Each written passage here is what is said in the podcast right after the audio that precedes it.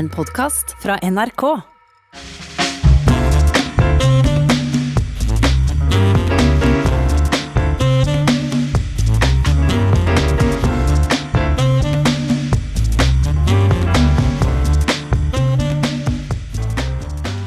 Den siste fredagen før jul sto det en noe spesiell 70-årsomtale i en god del norske aviser. Og jubilanten det var deg, eh, Ole Torp.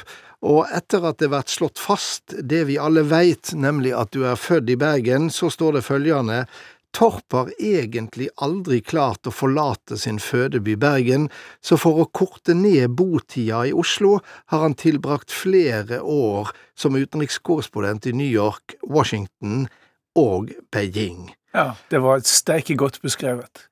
Ja, det er vel du som har skrevet det. Det, det er flere som er medskyldige her. Men det må da være en av de mest originale grunngivingene i NRKs historie for å søke en korrespondentjobb. Jeg kan jo ikke med hånden på hjertet si at det var derfor jeg søkte korrespondentjobber, men har, jeg har ofte tenkt på siden at det har bidratt til å korte ned botiden i Oslo, så jeg syns det passet veldig godt av vedkommende å skrive på en, på en sånn viktig dag.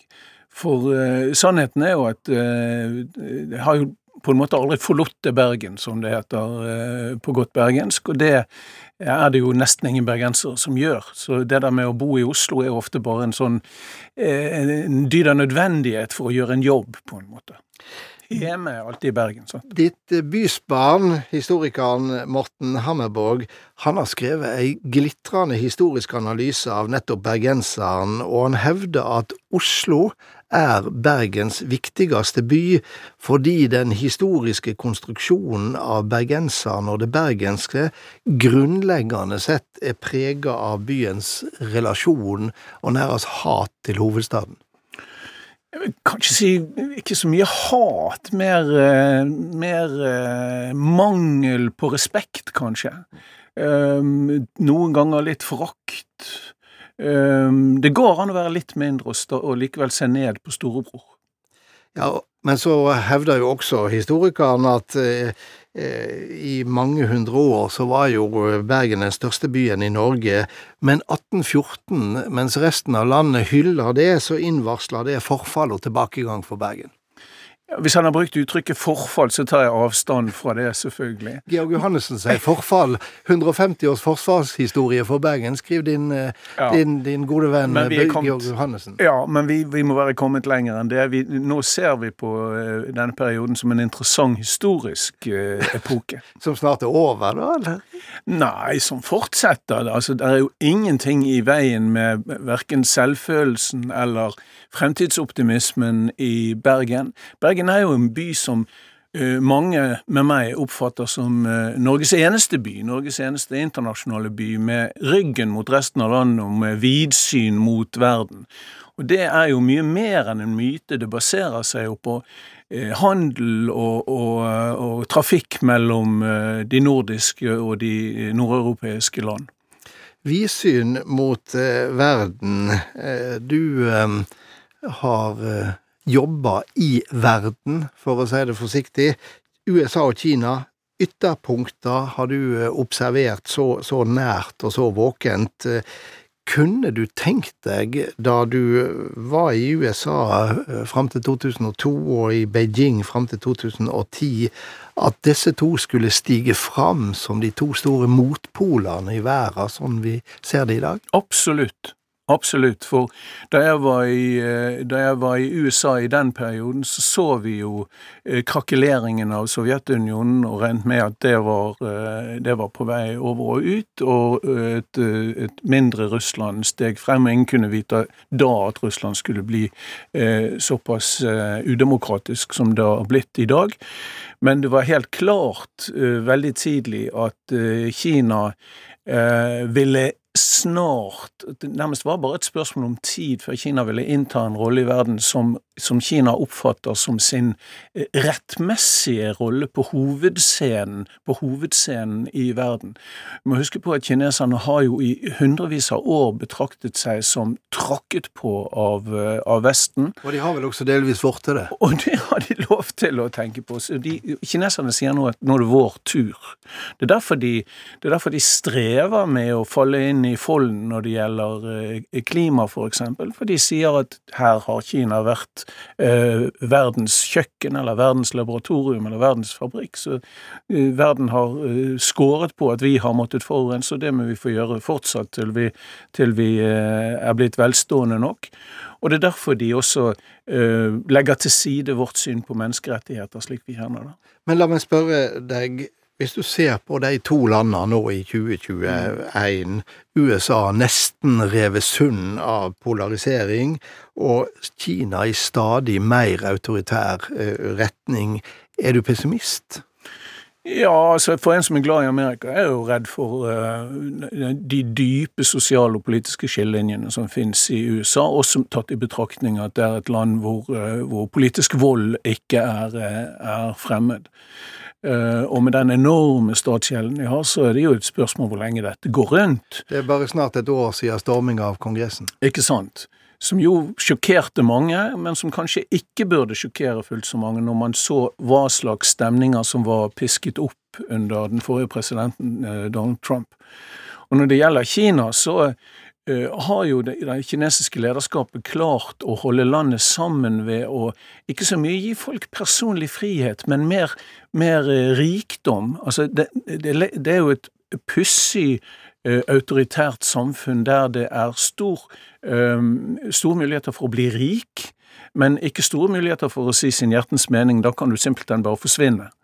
Så, så, eh, hvor lenge det limet holder, er jo vanskelig å si. Vi vet jo av historien at uh, kinesiske keisere alltid er blitt kastet av store bondehærer. Og så nevnte du jo litt tidligere Sovjetunionens fall, som heller ingen hadde spådd. Nei, så man skal være veldig forsiktig med å, å, spå. Men når det gjelder USA, er vi nok mange som er bekymret. Altså. Det, det må sies.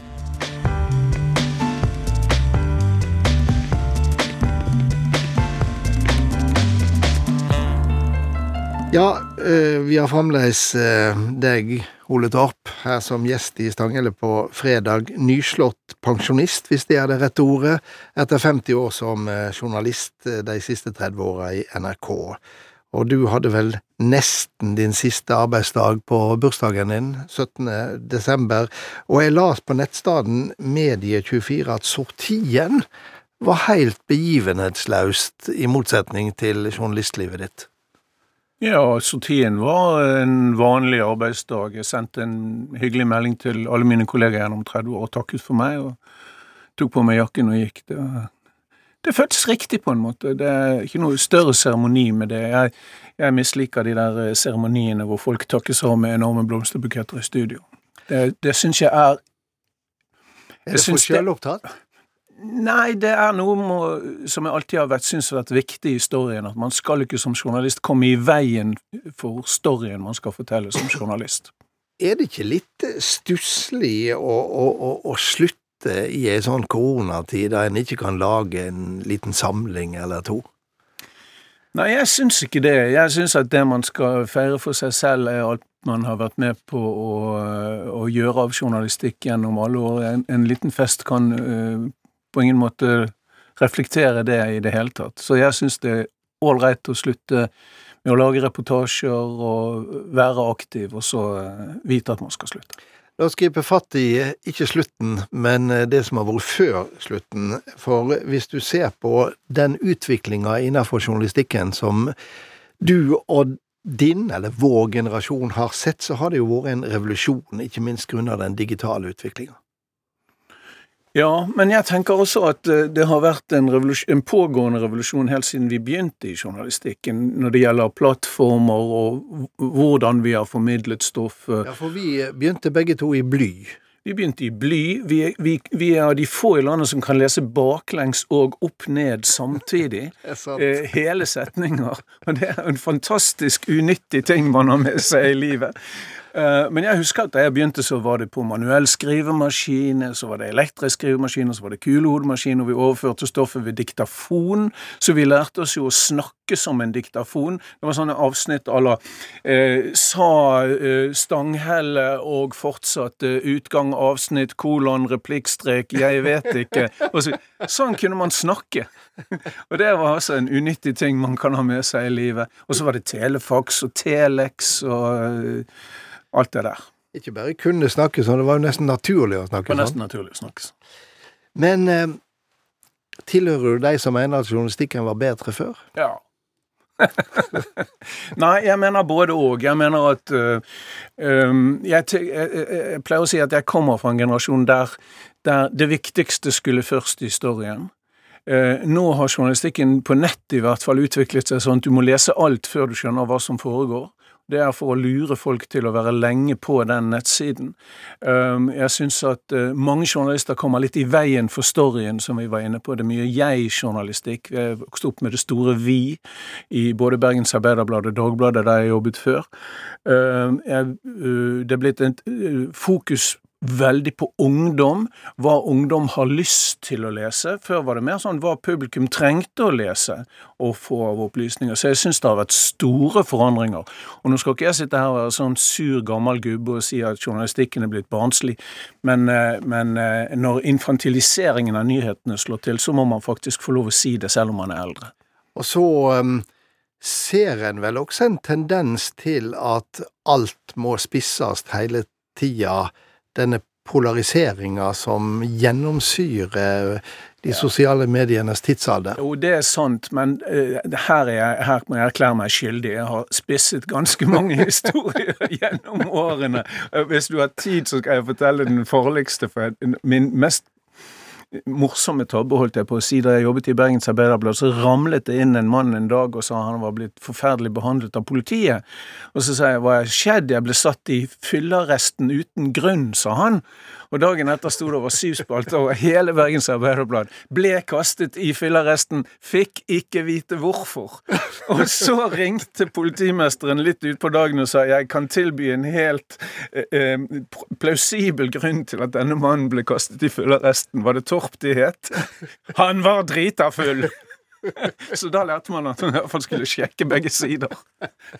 Jeg hadde ikke tenkt å eh, spørre deg om hva du skal gjøre nå, men jeg leste i, fortsatt i denne 70-årsomtalen som du har inspirert til sjøl, at eh, Nei, det har ikke jeg sagt, du må sjekke kildene dine. Siter, men jeg vet hvordan det foregår. Um, Torp er meget bereist og reiser stadig så lenge støvlene holder. Er det, Står det virkelig det? Ja. Er det et frampeik? Altså, jeg har alltid likt å reise. Jeg tror jeg har det etter min uh, meget bereiste far som var sjømann. En nysgjerrighet på fremmede kyster som uh, er uutslukkelig. Så det har jeg tenkt å fortsette med så snart denne pandemien letter.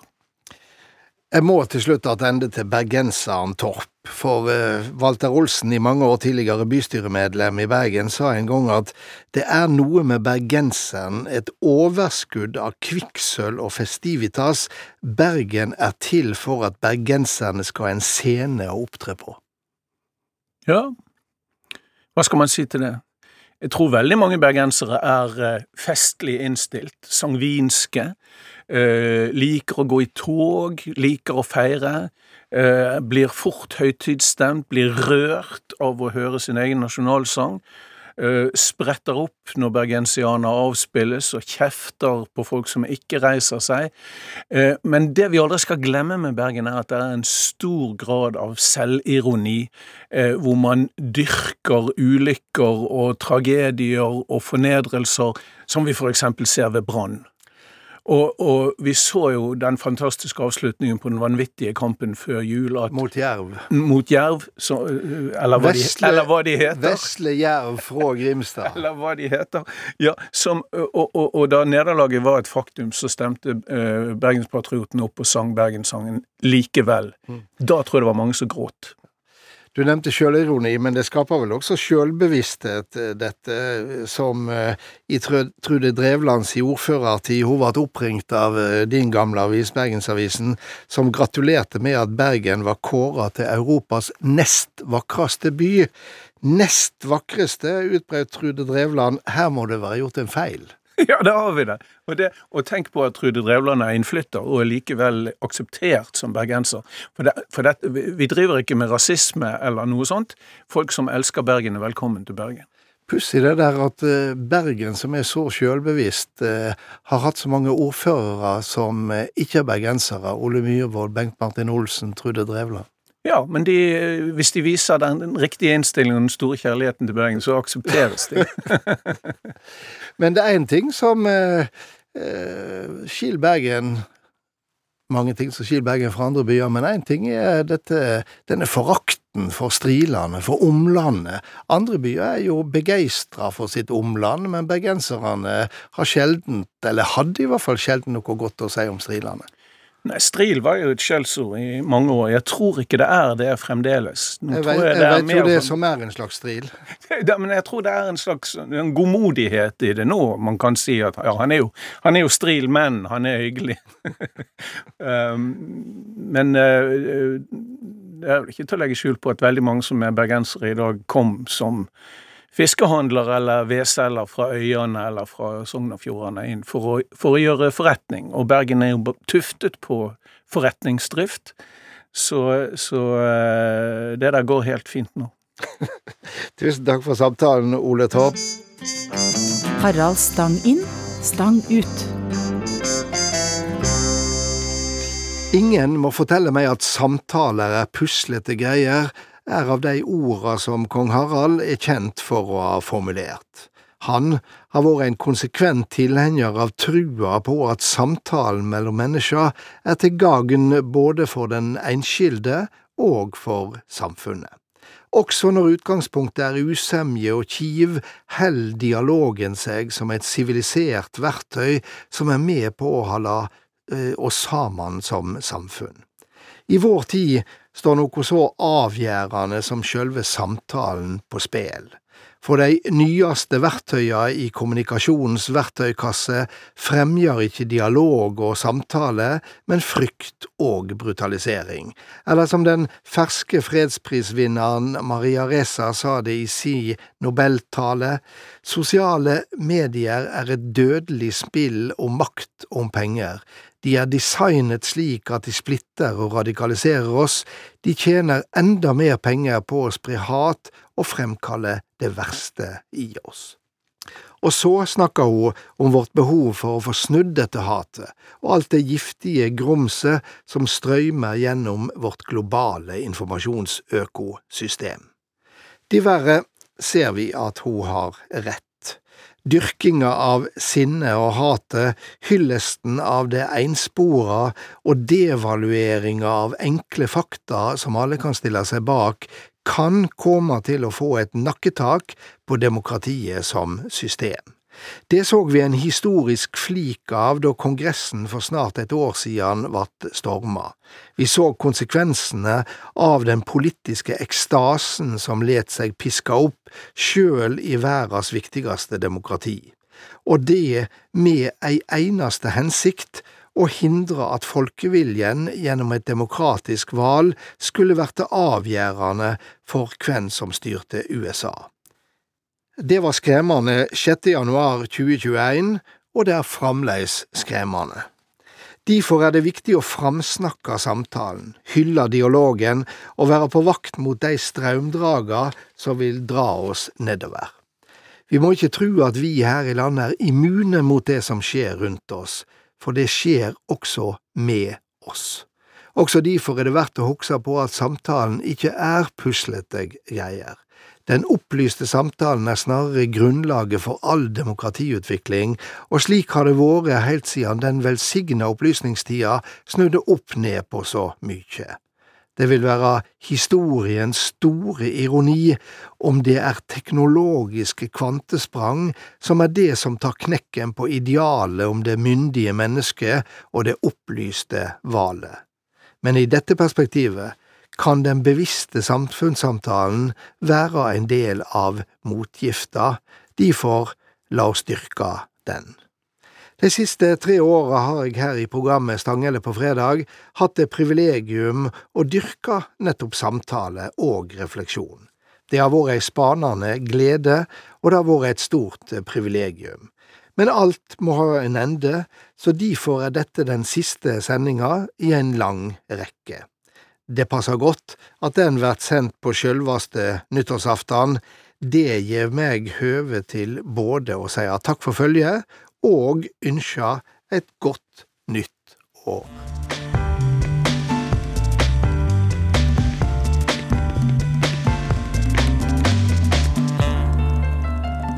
Du har hørt en podkast fra NRK. Hør flere podkaster og din NRK-kanal i appen NRK Radio.